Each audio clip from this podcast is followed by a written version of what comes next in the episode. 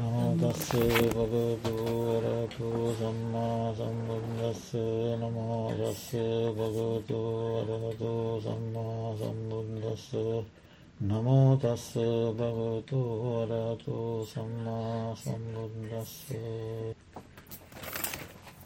එදා අපි සතිපට්ටාන සූත්‍රයෙහි චිට්ඨානු පස්සනා සතිපට්ටානයට අයත් සිත්වල බෙදීම් දාසය ආකාරය පිළිබඳව සාකච්ඡා කළා. තකොට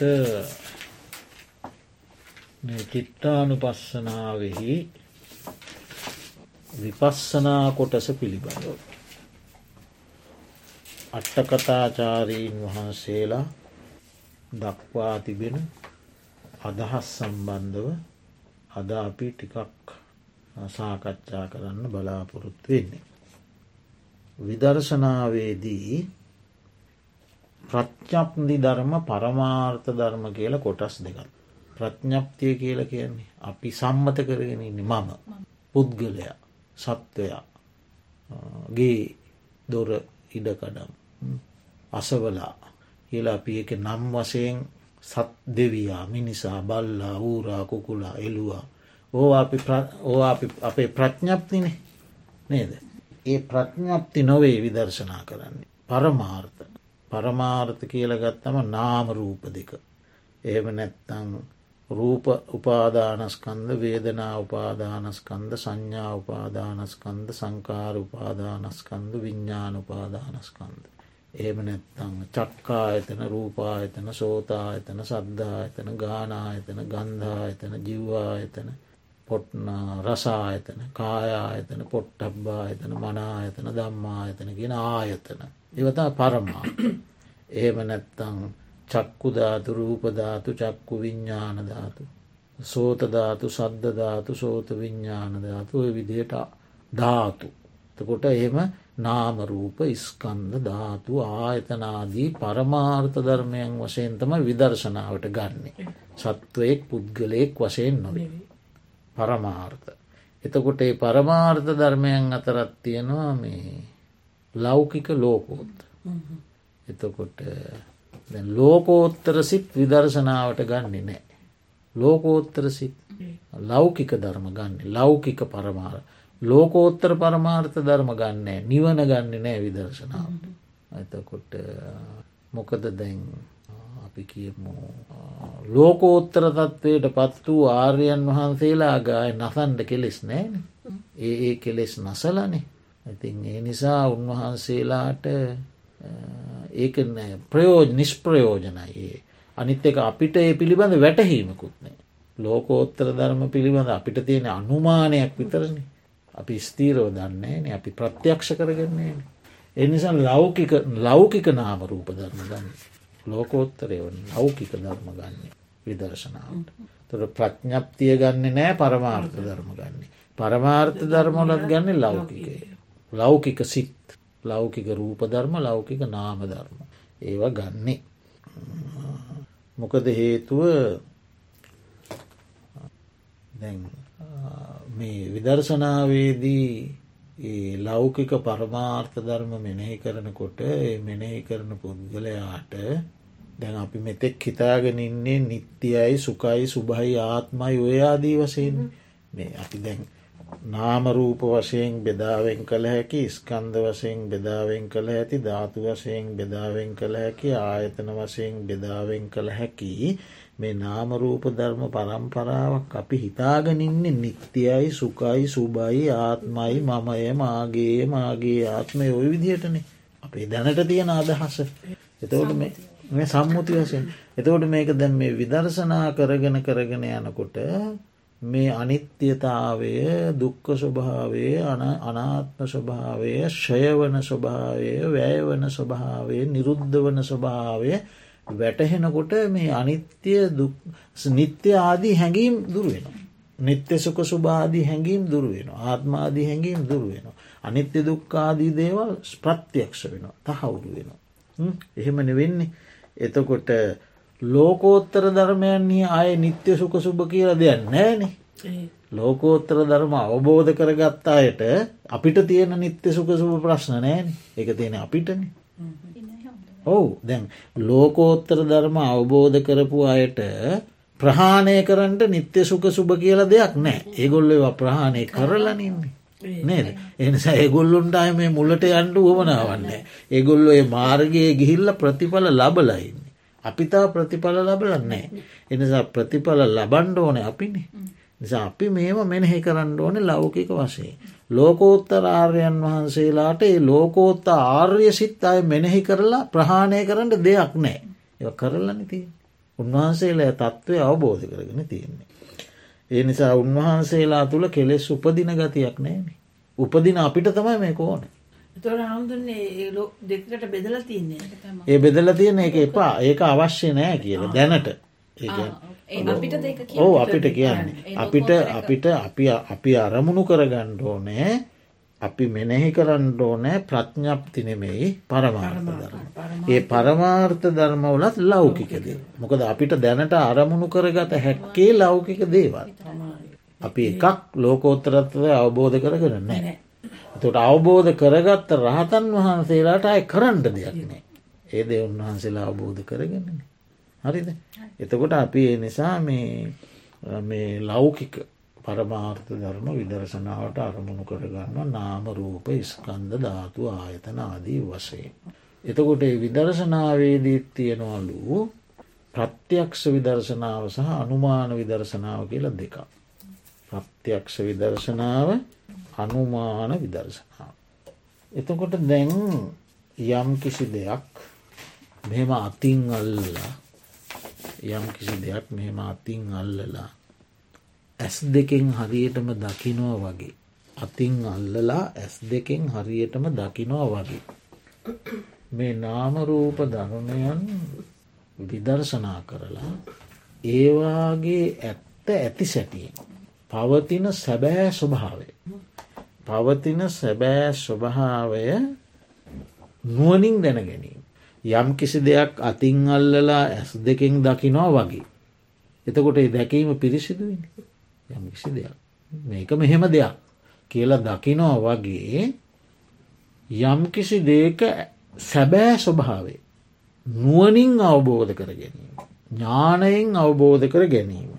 තමයි ප්‍රත්‍යයක්ෂ විදර්ශනා. අතින් අල්ල දකිනවා වගේ. ඥානයෙන් අවබෝධ කරගන්න මේ නාමයයි මේ රූපය. මේ නාමේ මේ නාමේ ෂණයක් ෂණයක් පාසා ඇතිවමින් නැතිවෙන් යන දෙයක්. මේ රූපයත් සනයක් ෂණයක් පාසා ඇතිවමින් නැතිවෙන් දෙයක්. මේ නාමේ ඇතිවමින් නැතිවමින් යන මේ නාමේ තන්නාමාන දිට්ටුවලින් බැදී සිටීම දුක.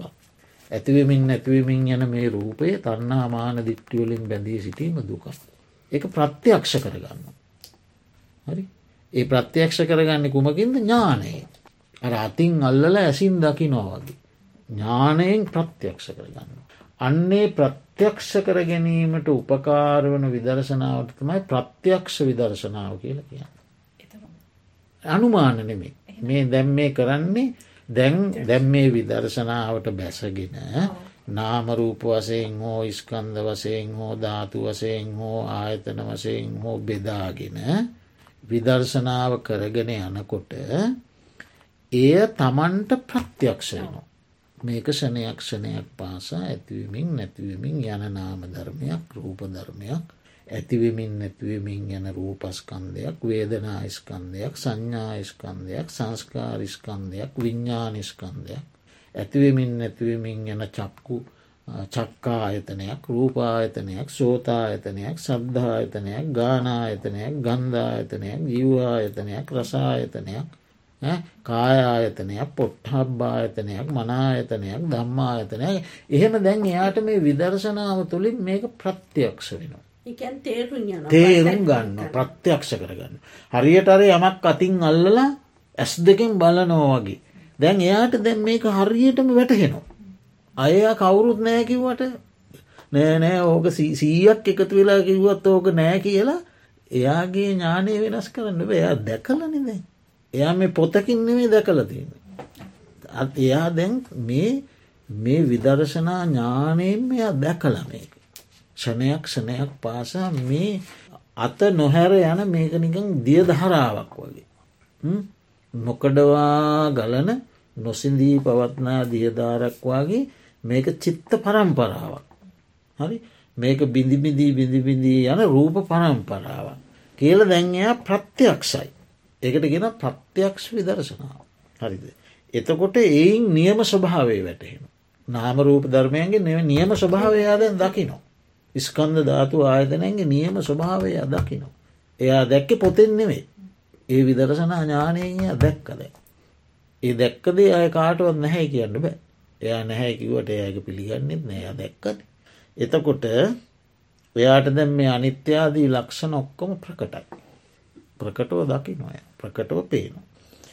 එතකොට ඒ ප්‍රත්‍යක්ෂ විදර්ශනාව ඒ විදියට දියුණු වෙලා දියුණු වෙලා දියුණු වෙලා යන්්ඩෝන දෙයක්. ක්‍රමානුකූලව පියවරෙන් පියවර දියුණුවමින් දියුණුවමින් යනවා අනුලෝම ඥානය දක්වා. අනුලෝම ඥානක නිවනට අනුලෝම වූ. දැන් නිවනට නැමුණු තත්ත්වයක් ද ඥානය එතෙන්ට එනකොට කියෙන අනුලෝමයි කියලා. නිවනට නැමුණ නිවනට නැබුරුුණා. තව නිවන් අවබෝධ කරේ නෑ නමුත් නිවනට නැබුරු ස්වභාවයක් තියෙන. හරි? ඒ දක්වාම මේ විදර්ශනා ඥානය හෝම දියුණුවමින් යායුතුයි. යායුතු දෙයක්. නාම රූප පරිච්චේද ඥානය කියලා කියන්නේ. නාමයයි රූපයයි දෙක වෙන්කොට බැලීම. මම කියන එක බෙදාවෙන් කරගන්න නාම රූප. පුද්ගලයා සත්වයා කියන එක බෙදාවෙන් කරනවා. පුද්ගලයා කියන නාමරූප දෙක සත්වයා කියන නාමරූප හරසී කියන නාමරූප දෙක එහෙම බෙදාගෙන වෙන්කොටගෙන ඕකොහොම දියුණු කරගෙන යනවා අනුලෝම ඥානය දක්වා. එතකොට ඔන්න දැන් ඇති වෙනවා නිවන පිළිබඳව අනුමාන විදර්ශනාව. තවම අවබෝධ කරන එයාට අනුමාන කරන්න පුළුවන්ද. මෙහෙම මෙහෙම විය හැකි කියන අනුමානයක් එයාට ඇතිවෙන. ඒ අනුමාන විදර්ශනාව ඇතිවෙන්ට විශේෂ වෑයමක් අවශ්‍ය නෑ කියන පොතේ අමුතු උත්සාහයක් ගණ්ඩෝන්න එය මේ ප්‍රත්‍යක්ෂ විදර්ශනාව නිසාම හටගන්න තත්ත්වයක්. ඒක ඇතිකරගණ්ඩ ඕනෑ කියලා අමුතුවෙන් මහා වෑයමක් අවශ්‍ය නෑ. මේ ප්‍රත්‍යක්ෂ වශයෙන්ම නාමරූප අනිත්‍ය දුක්ක අනාත්ම වසයෙන් එයාට වැටහෙනකොට ඒ. වැටහීම දියුණුවමින් දියුණුවමින් යනකොට එයාට ස්වභාවයෙන්ම අර අනුමානය ඇති වෙනවා. අනුමානය. එහෙම ඇති වෙනවා. හැබැයි ඒ අනුමානය මේ දැන් ලබා තියෙන ප්‍රත්‍යක්ෂයසේ ඉතාම නිවැරදි පිරිසුදුත් නෑ. මොකද තව නිවන් අවබෝධ කරගෙන නෑ. තවම අනුමානයක් බේතියෙන් හරිද? එතකොට ඒ අනුමානය පිරිසිදු වෙන්න නිවන් දැක්කව එත අන්න හරි. එතකොට තමයි ඒක ප්‍රත්‍ය ඒ එතකොට තමයි ඔන්න නිවන ප්‍රත්‍යක්ෂ වෙන්න. එතකං නිවන අනුමානයක්. හරිද? එතකං නිවන අනුමානයක්. අවබෝධ කරගත්තම නිවනත් හඳුරන්නේ ඔය ඔය ඔහොම දකින්න පුළුවන්නේ සෝවන් කෘදාගාමි අනාගාමි පලවලට ඇවිල්ලද නැත්තම් ඔය පලවලට ආවම නිවන ප්‍රත්‍යක්ෂ එතකන් නිවන අනුමානය. ඒ අනුමානය විදර්ශනායෝගයට ඇති වෙනවා. විදර්ශනාව දියුණුවමින් දියුණුවමින් යනකොට යාට නිවන පිළිබඳ අනුමානයක් ඇති වෙනවා. හැබැයි ඒක ප්‍රත්‍යක්ෂයක් නෙවේ. නෑ නෑ එතකොට සෝවාන් වෙනකොට ය නිවන ප්‍රථමවතාවට දකිනවන. අනුමානය කියන්නේ සෝවාන්වීමට මෙහා තියෙන. අනු ලෝමඥානය කියන්නේ. සෝවන් වෙලා නෑතාව. එතකොට එයා එත තවම පෘතක් ජන භූමියේ නමුත් විදර්ශනාව දියුණුයි. එතකොට යායට නිවන පිළිබඳ අනුමානයක් තියෙන නිවන මේ වගේ සුන්දර දෙයක්. මේ සියලූම කෙලෙස් ප්‍රාණය වෙලා උපාදානයන් ශය වෙලා ආශ්‍රවයන් සයවුන ඉතාම කෙලෙස් විඩා බර සංසිදුණු තැනක් කියලා යට අනුමානයක් තියෙන කලින්. සෝවා නොනැම් පස්සයාට එක ප්‍රත්‍යයක්ෂයි එක ප්‍රත්‍යයක්ෂයි එතකොට ස්වාමීන් සෝවන් වෙන්න මොනවාද නැති කරන්න ඕනි මොනවද? නැති වෙන්නේ සක්කාය දිට්ඨි විචිකිච්ඡා සීලබ්බත පරාමාස කියන සංයෝජනයන් ප්‍රහාණය වෙනවා. විචිකිච්ඡා සීලබ්බත පරාමාස කියන සංයෝජන ප්‍රහාණය වෙනවා අපායගාමී සියලු අකුසල් ප්‍රහාණය වෙනවා. අපායේ උපදින්ට හේතුවන සිකිසිදු ක්ලේශයක් ඉතිරි වෙන්නේ. කෙලෙස්වල ඒ අපායගාමී බර සියල්ල බිඳිලෑරෝ. උඹත පරාමාස කියන්නේ තුළුණුවන් කෙරෙහි සද්ධාව. එතකොට අන්න ඔය විදිහට දැන් විදර්ශනාව එයා අයි පරමේමී අපායි ඉපදෙන්නේ නෑ නෑ නෑ නෑ නෑ අප ඉපදන්න. සෝවන් විච්ච කෙනෙ එතකොට දැන් ඔන්න ඔය විදිහටයි ධර්මය දැක්වෙන්නේ. විදර්ශනාව කියන එකේදී අරමුණු කරගන්නේ පරමාර්ධධර්ම. පරමාර්ථ ධර්මයන්ගෙත් ලෞකික ධර්මයක්. ඒ ලෞකික ධර්මයන්ගෙත් ප්‍රත්‍යක්ෂ විදර්ශනාව අනුමාන විදර්ශනාව කියලා දෙකක් තියෙනවා. තෝට ප්‍රත්‍යක්ෂ විදර්ශනාව කරගෙන යනකොට නිත්‍ය සුක සුභ ආත්මාදී සංඥා දුරුවවී අඩුවවී අඩුවවී ගිහිල්ල විදර්ශනාව දියුණුවවී දියුණුවවී දියුණුවවී දියුණුවමී යනකොට එයාට අනුමානයක් ඇතිවෙන නිවන පිළිබඳ තව අවබෝධ කරගන්න අනුමාන කරනවා මෙහෙම විය හැකි හරි ඒ අනුමාන විදර්ශනාවත් ඔහොම දැන් හෝම දියුණුවමින් යනකොට නිවන අවබෝධ කරනකොට ඒ අවබෝධයෙන් නිවන ප්‍රත්‍යක්ෂ වෙන. එතකොට ඒ අනුමාන විදර්ශනාව ඇති කරගණ්ඩ අමුතු වෑයමක් අවශ්‍ය නැහැ කියනවා. ඒක ප්‍රත්‍යක්ෂ විදර්ශනාවස්ම ඇතිවෙන ස්වභාවයක්. විදර්ශනා ඥාන දියුණු වෙනකොට ඒක ඇතිවෙන ස්වභාවයක් අනුමානය. එහෙම තමයි දක්වන්නේ.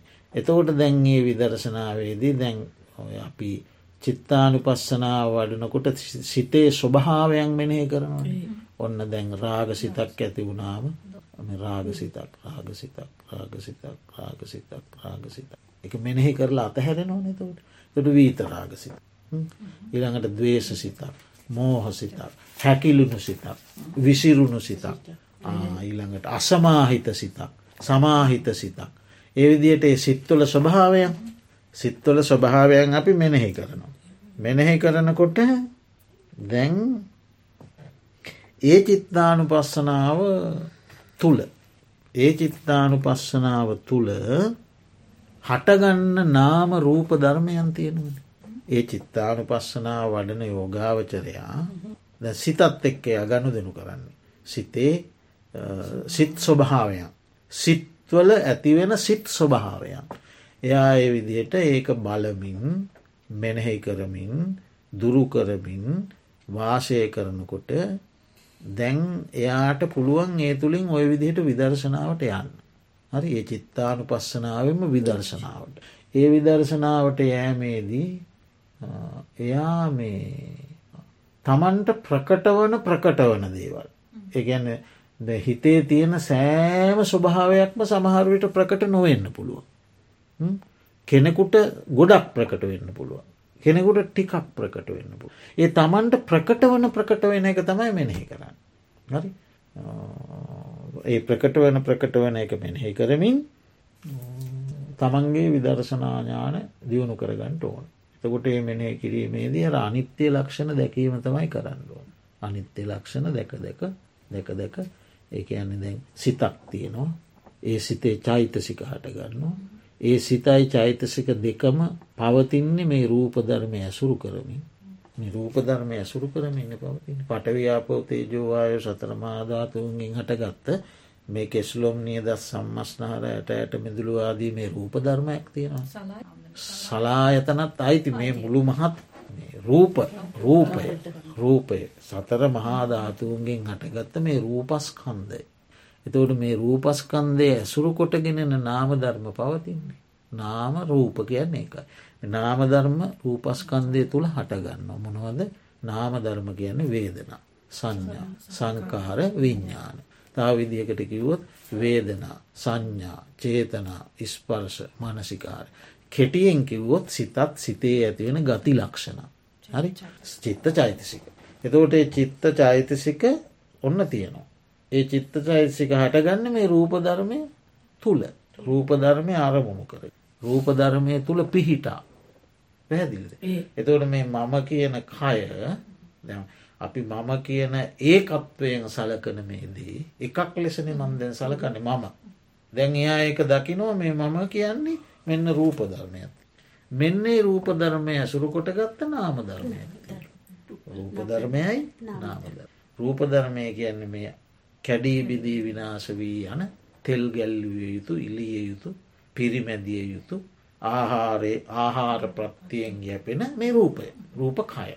ඒක ඇසුරු කරගෙන පවතිනවා වේදනා සංඥා සංකාර විඤ්ඥාන. නැත්තම් වේදනා සංඥා චේතනා ස්පර්ශ මානසිකාරය. ඒම නැත්තම් සිතක් සිතුවිලි. ඒක යන්නේ ඒ ටික බලනවා. ඒ ටික බලමින් ඒ නාම රූප දෙක තමයි විදර්ශනා කරන්න. එතකොට ඒ විදිහට ඒ විදිහට ඒ විදිහට දකිමින් ප්‍රකට වන ප්‍රකට වන ධර්ම මෙනෙහි කරන. සමහරට හැම දෙයක්ම ප්‍රකටන වෙන්න පුළුව. ඒ ඒ මොහොතේ ප්‍රකට වන සුකවේදනාවක් ඇතිවෙනකොට ඒ සුකවේදනාව. දුක්ක වේදනාවක් ඇතිවෙනකොට ඒ දුක්ක වේදනාව. උපේක්ෂාවේදනාවක් ඇතිවෙනකොට ඒ උපේක්ෂාවේදනාව. එතකොට රූප සංඥාවක් ඇතිවෙනකොට ඔන්න රූප සංඥාවක් ඇති. සද්ධ සංඥාවක් ඇතිවෙනකට සද්ධ සංඥාව ගන්ධ සංඥාවක් ඇති ගද පිළිබඳ හැඟීමක් ගන්ධ සංඥාව. එදිට ප්‍රකට වන ප්‍රකට වන නාමධර්මත් ප්‍රකට වන ප්‍රකට වන රූප ධර්මත් වෙන එක. සක්මං කරනකොට ස්පරස වන ඔන්න ස්පරසයක් ඔන්න ස්පරසය ස්පරසය. ඒදෙන මෙනෙහි කර ප්‍රකට ප්‍රකට වන ධර්ම. එහෙම මෙනෙහි කරගෙන යනකොට ඔන්න දැන් එයා එයාට දැන් පැහැදිලි වැටහීමක් තියෙනවන මොකක්ද වැටහීම නාම ධර්මයක් සහ රූප ධර්මයක එකතුවක්ති. ඒ දෙකම නිරන්තරයෙන් වෙනස් වී යනවා අනිත්‍ය පවතින්නේ. එතකොට ඇවිදීමේදීත් සිද්ධ වෙන්න මේක. සිටගෙන සිටීමේදීත් මේ නාම රූප ධර්මයන්ගේ වෙනස්වීමයි වෙන්නේ. ඇවිදීමේදීත් එහෙමයි වෙන්නේ. කියලා එයා ඒ විදියට විදර්ශනා පරපුරයාගේ දියුණු වේගෙන යනකොට ඔන්න එයා බලනවා ඉති අජ්ජත්තංවාකායි.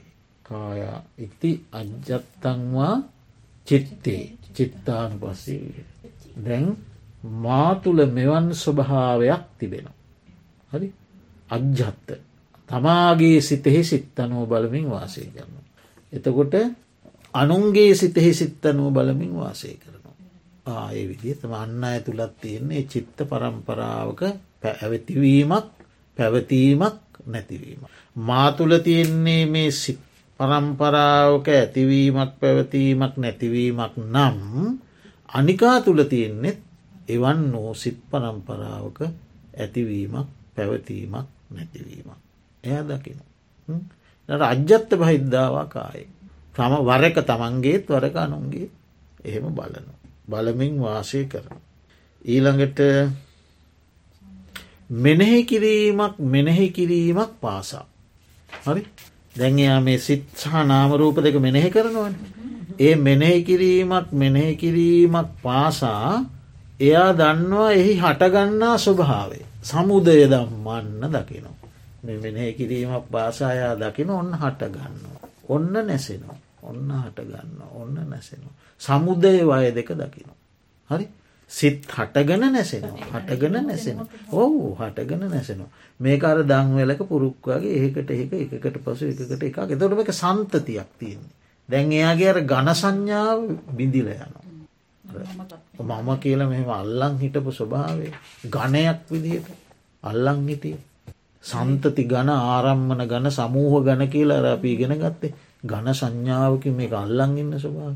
ඒක බිඳෙනවා. බිඳෙන්න්න කොහොම දෙයක් දන් දකිනවන මේක අල්ලන්ඩ දෙයන්න මේ මේ ඇතිව නැතිව ඇතිව නැතිව ඇතිවෙන නැතිවෙන. සමුදේවයි සමුදේවයි සමුදේවයි හටගන්න බිඳෙන හටගන්න බිඳෙන හටගන්න බිඳෙන ජලාසයක බුබුලු බිඳෙන වගේ එය දකිනවා.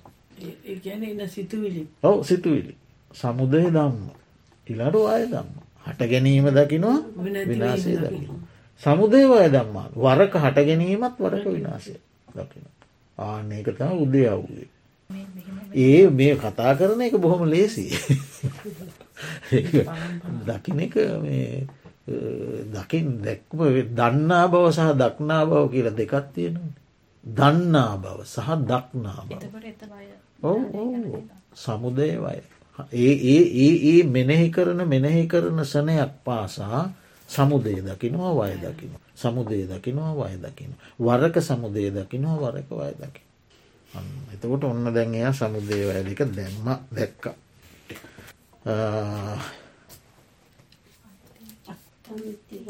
එතකොට තව එයා දැන් එතකොට එයා දැන් ඒ මේ දෙකේම මේ දෙකේම ඇවත් ඇටිවීම පැවැත්මත් දකිනවා. ඒ කොහොමද මෙන්න රූපධර්මය මෙන්න නාමධර්මය නාමධර්මය නිසා රූපය පවතිනවා රූපධර්මය නිසා නාමය පවති. මේ නාම රූප දෙක එකට බැඳී පවතින. එකට එකකට එකක් පටිච්ච සමුපන්න. එකකට එකක් ප්‍රත්තිවිබින් පවතින නොසිදී පවත්නා වූ නාමරූප පරම්පරාව අඥමං්්‍ය පච්චේ එකනකට ප්‍රත්තිවමින් යන නාමරූප පරම්පරාවක් ඇතිවෙනවා. එතකොට ඊට පස්සේ දැන් එයා ඒ විදියට මේ මේ මොහොතේ මේ මේ මොහොතේ සමුදේවයි දකිනෝ. ඊළඟට අර අපි ඉස්සර විස්තර කලානි අතීත කර්මය. අතීත අවිද්‍යාව. අතීත තෘෂ්ණාව. හරි? වර්තමාන නාමරූප දෙක. මේ තියෙන් මොකක්ද අතීත අවිද්‍යාව. පලයක් නෙමේ අතීත කර්මය පෙරභවයක අවිද්‍යාව. පෙරභවය අවිද්‍යාව නැසුවනම් මේක කටගන්නෑන පෙව පෙරබරබේ කර්මය නැසුවනම් මේක පවතින්නේ පෙරභවය තෘෂ්ණාව නැසුවනම් මේක පවතින්නේ එතෝට පෙරභවයේ අවිද්‍යාවත් පෙවබරවේ කර්මයක් පෙරභවයේ තෘෂ්ණාවත්. හරි? මේ භවයේ නාමරූප දෙක දැන් මේ රූපකාය පවතින්නේ ආහාර ප්‍රත්්‍යය කොටකින්. මේ රූපකාය පවතින්නේ පෙරභවයේ අවිද්‍යාවයි තෘෂ්ණාවයි කර්මයි ආහාරයි නිසා. හරි මේ නාමරූමේ චිත්ත පරම්පරාව පවතින්නේ පෙරභවේ අවිද්‍යාව පෙරභවයේ කර්ම පෙරභවයේ තෘෂ්ණාව සහ මේ භවේ නාමරූපදික. එතකොට මේ අපි කරන මේ හැම ක්‍රියාවම එන එන එන භවයටත් ගෙනනවා මේක නැවත්වේ නැවැත්වේ නැත්තන් ඊළඟ භවයටත් අයරයන. එහෙම එහෙමත් ඔන්න විස්තරයක් තියෙනවා. පසු කාලයට එනකොට ඒ විදිහටත් විස්තර කරනවා. එතකොට දැන් ඒ විදියට ඔන්න දැන්ඔය චිත්තානු පස්සනාවෙන් විදර්ශනාවට කිහිල්ලා හොම විදර්ශනාසිත් පරම්පරාව දියුණු වෙලා ප්‍රත්‍යක්ෂ විදර්ශනාව සහ අනුමාන විදර්ශනාවත් දියුණු වෙලා එනකොට එයා දැන් දකිනවා නිරන්තරයෙන් වෙනස්වමින් පවතින නාමරූප පරම්පරාවක් තිබේ. මේකට තමයි මේ මම කියන්නේ. මේකට තමයි මගේ කියන්නේ. මේකට තමයි මගේ ආත්මය කියන්නේ. මෙහෙම එක්කට තව මේ ගොවිගමය කියන්නේ බද්ගමය කියන්නේ රදාය කියන්නේ රුඩීය කියන්න මේ මෙහෙම දෙයක්. කොතනත් තියෙන්නේ මෙන්න මෙහෙම එකක්. දුප්පතාය කියන්නේ පොහොසතාය කියන්නේ කුලවතාය කියන්නේ කුලහිනි ඌනෑ ගැන කසල සෝදකය අය කියන්නේ ඒ ඒ කොතනත් තියෙන්නේ මේ නාම රූප නිරන්තරයෙන් වෙනස්වමින් යවෙනස්වවී යමින් පවතින නාමරූප පරම්පරාවක්. හරි ඔන්න දැන් එයා එහෙම එහෙම දෙකක් නම් තියෙනවා. එයාට දැන් ඔන්න පරමාර්ථය පේනවා. දැම් මේ තියෙන්නේ එහෙම දෙකක් නාමයක් සහ රූපයක්. ඒ දෙකේම තියෙන්නේ නිරන්තරයෙන්ම සිදුවන වෙනස්වීම ඇතිවීමක් නැතිවීම. එතකොට වසලයාය රුඩියාය කෙන මිනිහා ළඟ තියෙන්නෙත් නාමරූප දෙක ඇතිවීමක් නැතිවීමක්. ඊළඟට රදලයාය කියන මිනිසා තුළ තියෙන්නෙත් නාමරූප දෙකක ඇතිවීමක් නැතිවීම. ඒ ඒවට මේ රදල නාමරූප කියන්නත් බෑ මේවට රොඩී නාමරූප කියන්නත් බෑ. එ නාමරූප එච්චරයි. දැන් ඒ ප්‍රත්‍ය ඒක දැන් ඒක දන්න ඇති නිසාන අපි මේ බෙදාගෙන ඉන්නේ. ඉන්දියාව ඉන්දියාව කොහෙන් ආවත්? දැ මෙහෙත් තියෙන්නේ. මේ තියෙන කළු ජාතිකයන්ට මේ පිටි පස් ඉස්සර තිබුණ. කළු ජාතිකයන් අවබෝධ කරගන්නේ නැති තාකල් තමයි ඒ පවතිනවා. දැන් සුදු ජාතිකයන්ට හැර කළු ජාතිකයන් ඉස්සරාශීත් දෙන්න බෑ. ගොල්ල පස්සෙන් බැන්ඩ බෑ හිටගෙන යන්න ඕන. තියෙන්නේනේ සුන්නි සිහා සියා මුස්ලිම් සුන්නි මුස්ලිම් කිය ඇති ඉතින් ඒ විදිහේ දැන් ඔන්න මේ විදර්ශනාව දියුණු වෙනකොට එයා දකිනවා කොතනත් තියෙන්නේ?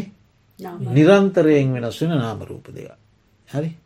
එයාට පේනවා ඉතින් අවසානය මේ ඔක්කෝම දැන් අපි අපි හතර දෙනා කියමුකු.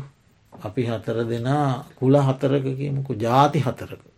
එතවට අපි හතර දෙනා මිය පරලෝ ගිහිල්ලා එකම සොහොනක මිය වලදානෝ නොබෝ කලකින් අපි හතර දෙනා පස් වෙන තොට අපේ පස් වෙන් කරන්න බෑන.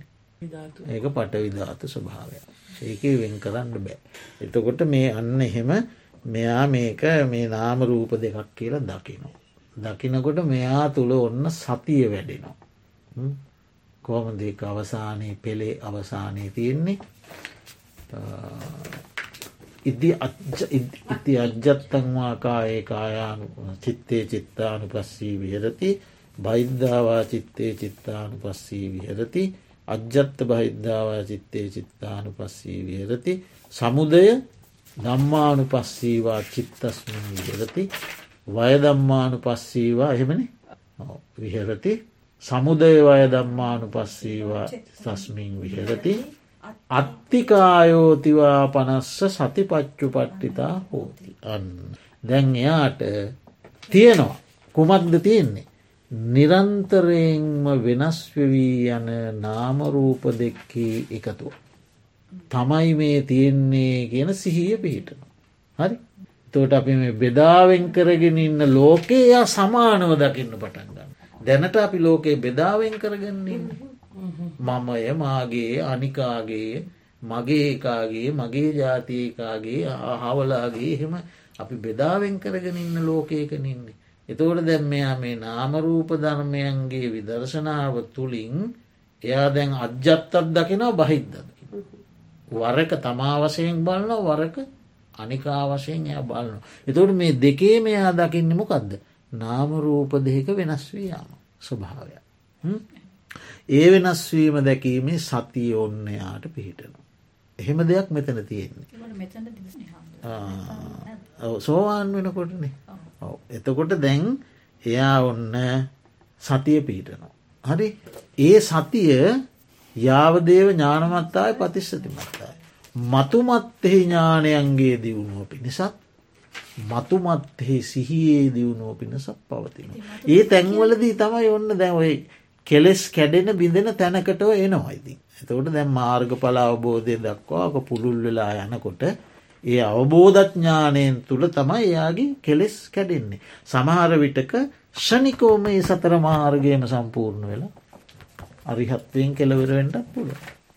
තවත් කෙනෙක්ගේ සංකාර උපේක්කාඥානය දක්වා ඉදිරියට යන කෙනෙක් නම් පසේ බුද්ධත්වය පාර්ථනා කරන කෙනෙක් නම් බුද්ධත්වය කරා යන කෙනෙක් නම් වෙනත් අග්‍රශ්‍රාවකයන් වහන්සේ නමක් වශයෙන් පාරමී පුරණ කෙනෙක් නම් වෙනත් බුද්ධ ශාසනයේ යම් යම් යම් යම් තනතුරු සහිත විශේෂ ඔය තියෙන්නේ දැන් අග්‍රශ්‍රාවක. මහාශ්‍රාවක එතකොට ප්‍රඥාවන්තයන් අතර අග තැන්පත් දුතහංගධාරීන් අතර අග තැන්පත් ඔය විදිය තන්නතුරු ඒවගේ උසස් දෙයක් බලාපොරොත්තුව යන කෙනෙක් නම් මගදි නතර වෙන. සංකාර උපේක්කාවෙන් අතර වෙන. එතනින් එහාට යන්නේ. සංකාර උපේක්කාවෙන් අතර වෙන හැබැයි හෝට දැන් විදර්ශනා හොඳට මොහකුරාගේ හරි එහෙම නැත්තම් මේ ජීවිතයේදීම සෝවාන්නාදී දැන් ඔන්න යාවදේව ඥානමත්තාය මතුමත්හෙ නුවන දියුණුවමින් ගිහිල්ල මතුමත්හෙ සතිය දියුණුවමින් ගිහිල්ල මේ ආත්ම භාවයේදීම කෙලෙසුන් ප්‍රහාණය කරලා සමහරට එක් මාර්ගයක් සමහට මාර්ග දෙකක් සමහට මාර්ග තුනක් සමහට මාර්ග හතරම ලබල එතනින් කෙලවර වෙනවා. එතකොට සන්නන්සේ බුදු පසේ බුදු හෙමෙන එතනින් නවතලයි පාත් එගුළුම් තව තවත් ප්‍රාර්ථනා කරනවා වෙන වෙන ඕ ඉදිරියට යනවා ඒගොල්ලොන්ගේ ජීවිත එතකොට ස්වාමිනාස දැන් දේවදත්ත හාමුදුරුවෝ අනාගාමි වෙලා දෙහිටියේ නෑ නෑ. එයා මාර්ග පල්ලාබියෙක් නෙවෙයිනේ එයා ඇවිල්ලා මේ ධ්‍යානලාබිය ධ්‍යානලාබිය එතකොට දැන් එයා එතෝට සෝවාන් වෙලාවත් හිටිය නෑ සෝවාන් වනනං කවදාවත් බුදුහ ඒකයි මං බැලුවේ. නිරේ ඉපදුනේ ඒකන. සෝවාන් සෝවන් උනේවත් නෑ. එය ධ්‍යාන ලාබියෙක් පස්සේ දිව ධ්‍යානයනුත් පිරිහිලා ගිය.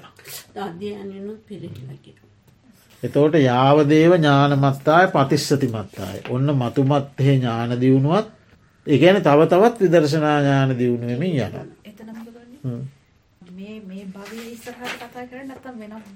ඒක එහට යන්න පුළුව එක තමයිකිව සංකාරූපේක්කාඥානය දක්වාද විශේෂ තනතුරු පාර්ථනාවක් නම් ඒව මතු මත්තටත් හරි? මේ මේ ජීවිතයේදී මාර්ගඵල ලබනවනම් ඒ මාර්ගඵල් ලැබීම දක්වා. ඒක දියුණුවමින් යනවා. ඥානමත්තාය පතිස්සති මත්තාය අනිශ්චිතෝච විහරති. ඔන්න දැන්ුව මාර්ග පලතත්වයක් කියන්නේ එතකොට දැම්මයා තුන් තෘෂ්ණා දෘෂ්ටි දෙක නිශ්‍රය කරන්නේ. හරි දැන්ගේ මාර්ග පලතත්වය. එයාට තෘෂ්ණාව ඇසුරු කරන්න දෙයකුත් නෑ දැන් දෘෂ්ටි ඇසුරු කරන්න දෙයකුත් නෑ. එකන් දැන් අපි අපි හැම දෙයක් ආශ්‍රය කරන්නේ තෘෂ්ණා වශයෙන්. ඇල්ම තන්හාාවෙන් ඇලිලා. අල්ලගෙන. එම නැත්තම් දෘෂ්ටිවලින් බැඳිලා. දැන් මෙයාට ඇලෙන්ඩ බැඳෙන්ට දෙයක් නෑනේ මෙයා දැන් දකින්න මේ නිරන්තරයෙන්ම ෂණයක් පාසා වෙනස්වමින් යන නාමරූප ධර්ම පරම්පරාවක් නම්. හරි? මෙතන එයාට අල්ලන්න දෙයක් නෑ. හරි? එතෝට එයා තන්නහාවත් දිට්ටියත් කියන දෙක ඇසුරු කරන්න නැති තත්වයට ලෝකෝත්තරත එතවට ඒව කැඩිලා යනවා. තන්හා නිස්සේ දිට්ටි නිස්සේ කැඩෙනවා. හරිද? තන්නහා නිස්සේ සම්පූර්ණයෙන්ම කැඩෙනවා කියන්නේ අරිහත්වය දිට්ටි නිස්සේ සම්පූර්ණයෙන් කැඩෙනවා කියන සෝවාන් දිට්ටිය කැඩෙන්නේ සෝවාන්ති තන්හාාව මුලින්ම සිදලෙන්නේ අරිහත්වේ එතකොට නිස්සය නෑ. හරි? නිස්සේ ගැන ඇසුරු කරන්නේ. තන්හාාව සහ දෘෂ්ටි දෙකම නෑ. ඊළඟට මොකදද? අනිශ්චිතෝච විහරති. නච කිංචි ලෝකයේ උපාදියති. මේ ලොවෙහි. මේ ලොවෙහි කියල කියන්නේ මේ පංචෝපාදානස්කන්ද ධාතු ආයතනාදී මේ ලෝකයෙහි. මේ ලෝකයෙහි කිසිවක් කිසිවක් න උපාදියති. උපාදාන වශයෙන් ගන්න නෑ. මේ ස්කන්ද ලෝකෙහි ධාතු ලෝකෙහි ආයතන ලෝකයෙහි කිසිවක් උපාදාන වශයෙන් නොගන්නේය. එතකොට ඔන්න විදර්ශනාව කෙලවරේ කියන්නේ. කිසිවක් උපාදාන වශයෙන් ගන්නේ නෑ. එතකොට එයා මොනවද උපාදාන හතරත් තියෙනවානි කාම උපාදාන දිට්ටි උපාදාන සීලබ්බත උපාදාන අත්තවාද උපදාන. ඒ උපාදානයන්ගෙන් මිදෙන. උපාදාන හතරෙන්ම මිදෙන. කාම උපාදානයන්ගෙන් මිදෙන්නේ අනාගාමී වෙනකුට. දිට්ටි උපාදානයන්ගෙන් මිදෙන්නේ සෝවාන් වෙනකුට. සීලබ්බත උපාවාදයන්ගෙන් බිනෙන්නෙත් සෝවාන් වෙනකොට. හරි අත්තවාද උපාදානයන්ගෙන් මිදෙන්නේ ආත්මයක් ඇත යන හැඟීම ඒත් සෝවාන් වෙනකුට. ආත්මීය හැඟීම අත්තවාද උපදාන. එතකොට උපාදාන හතරෙන්ම මිදිලයන. ඕ තන්නාව තන්නාව අරිහත්වේ. තන්නාවයි රූප තන්හා රූප තන්හා දෙක තියෙනවා. අනාගාමි වෙනකොට කාම තන්හාාවෙන් මිදෙනවා. රූප තන්හා රූප තන්නා කියන්නේ රූප භවයන්නේ උපත ලැබීම සහ රූපාවචර ධ්‍යානයන් පිළිබඳ නිකාන්තිය තියෙනවා. තෘෂ්ණාව බ්‍රහ්මලෝකෝ. එතට අරූප තන්න අරූපාවචර බ්‍රහ්මලෝකයන් පිළිබඳ නිකාන්තිය තියෙනවා. හරි එතවට කාම තන්හාව නැතිවෙන අනාගාම වෙනකොට. රූපාවචර බ්‍රහ්මලෝක සහ රූපාවචර බ්‍රහ්මලෝකයන් කෙරෙහි අපේ අර සාමාන්‍ය මිනිසුන්ට වගේ තෘෂ්ණාවක් නෑ නමුත් ඒවා පිළිබඳ සයුම් තෘෂ්ණාවක් ඉතිරි වෙන. තියෙන තියෙන අවිද්‍යාවත් අරිහත්වයෙන්නේ නැසෙන්නේ. අවිද්‍යාවදී නැසෙන සංයෝජන පහක් තියෙන.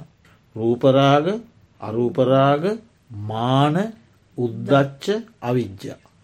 හරි රූපරාග අරූපරාග මාන උද්දච්ච අවිද්‍යා. එතන රූපරාග කියන රූප තන්හා රූපාවචර බ්‍රහ්මලෝක. අරූප තන්හා කියන්නේ අරූපාවචර බ්‍රහ්මලෝක පිළිබඳ තන්හාාව. මාන කියන්නේ මැනීම. මාන්‍ය මාන්‍යය රූපරාග අරූපරාග මාන උද්දච්ච. කියල කියන්නේ විසිරෙන ස්වභාවය සිතෙහි. හරි? ඊළඟට අවිද්‍යාව මෝහය අවිද්‍යාව. ඔය පහම අරිහත්වයෙන් තමයි නැසෙන එතකොට අනාගාමි වුණහම කාමරාග පටිග කාමරාග පටිග දෙක. එතකොට අරිහත්වය වෙන තෙක්ම ඔය සක්කාය දිට්ටිය සෝවාන් වනකොට නැති වුණත් මානය මම වෙමි මම වෙමි කියන එකකුත් නෙම එක සියුම් හැඟීමක් තියෙනවා. ඒක හරියට මානේ මානේ මැනීම් ස්වභාවයක් තියෙනවා. මැනීම් ස්වභාව ඒක මෙහෙමනි කියන්නේ. ඒ කියන්නේලා පිරිසිදු වෙල්ලාවක දාලා ඇඳුමක් සෝදනවා. වෙල්ලාවක දාලා ඇඳුමක් සෝදලා ඒ රජකයා විසින් ඇඳුම සෝදලා බාරදුන්න කියමකුමට. හැබැයි ඒ හෝදලා බාරදුන්න ඇඳුමේ තාවම තියෙනවා සබං සුවදක් ඉතිර වෙලා. හරිද ඇඳුම පිරිසිදු වෙලා හැබැයි සබන් සුවදක් ඉතිර වෙලා හෝ ඊට පස්සේ මම ගිහිල්ල සුවඳ කරඩුවක බහාලනවා එරෙද්ද. ඒ සබං සුවඳ ඉතුරු වූ ඉතාම පිරිසිදු කරලා දුන්න රෙද්ද සුවඳ කරටුවක බහාලලා තියෙනවා. ඊට පස්සෙමකද අර සබන් සුවඳ යනවා. අන්න ඒ වගේ සියුම් ස්වභාවයක් ඉතුරු වෙනවා. මනින ස්වභාවයක්. අර හෝදපු රෙද්දේ සබං සුවඳ වගේ ස්වභාවය. හැබැයි ඒක අවශ්‍යයි නැත්නම් කොහොමද දැනගන්නේ කොහොමද ඔවු ඒ දක්වා එක තියෙනවා. අවශ්‍යයිම කියන්න බෑ ඇති ඒක ස්වභාවයක්. එතකොට සම්මින්වන්සේ මානී යුද්ධච්චේ වෙනස මොකක්ද මානයෙන් කරන්නේ මනින ස්වභාවය. උද්දච්චය කියන්නේ විසිරුණු ස්වභාව. හිත විසිරිලා. හිත විසිරිලා. කේමක මහරහතන් කේමක මහරහතන් වහන්සේනේ උදාහරණයගෙන්නේ ඒ මම මම මේ මේ තත්ත්වයට පත්වෙලා ඉන්නවා. හැබැයි මට තාම තියෙනවා මේ වගේ සියුම් තත්ත්වයක් ඒක හරියට අර සුවඳ කරඩුවක බහාල බහාලන තෙක් පවතින සබං සුවදක් වල කියලා. ඒ නිසා ඔන්න ඔය විදිහට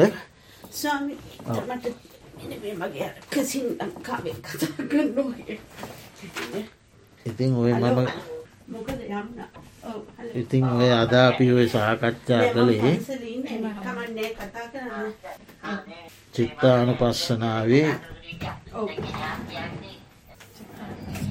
චිත්තානු පස්සනාවෙහි විදර්ශනාව සම්බන්ධවත් ධර්ම ග්‍රන්ථවල තියෙන කරුණු කාරණා එක්කයේ සාකච්ඡා කළි. එතකොට දැන් ඔය විදියට කරගෙන යනකොට දැම් මොකක් දෙන වැටහීම. වැටහීම තමයි දැම් මේ සිත ඉස්කන්දයක්. අපි දැම් මේ සිත කියල සලකන දෙය මොන ඉස්කන්දේද. පංච උපාදානස්කන්දය මොකට දයිති. රූප උපාදානස්කන්ද වේදනා උපාදානස්කන්ද සංඥා උපාදානස්කන්ද සංස්කාර උපාදානස්කන්ද විඤ්ඥාන උපාදානස්කන්ද කියල පහක් තියෙනවා. එතකොට මේ පහයි සිත විඤ්ඥාන උපාදානස්කන්දයයි. එතට හම්දුන මේ චිත්තාන් පස්සනාව අයිති විඤ්ඥාන පාදාන සිත්තානු පස්සනාවට ගැනෙන මේ සිත අයත් මේ සිත කියලා කියන ස්කන්දයක්.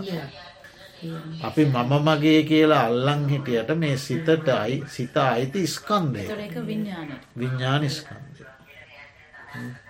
ඊළඟට මේ සිත කියන්නේ මනායතනය ආයතන දොළහේ මනායත. ආයතන දොළහා පිගෙන ගත්තා. චක්කායතන රූපායතන සෝතායතන සද්ධායතන හොම මේක මනායත.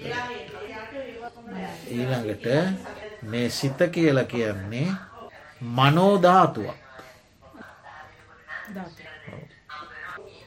ඊළඟට මනෝධාතු ඊළඟට මේක දුක්කාර්ය ශක්තිය ඇයි?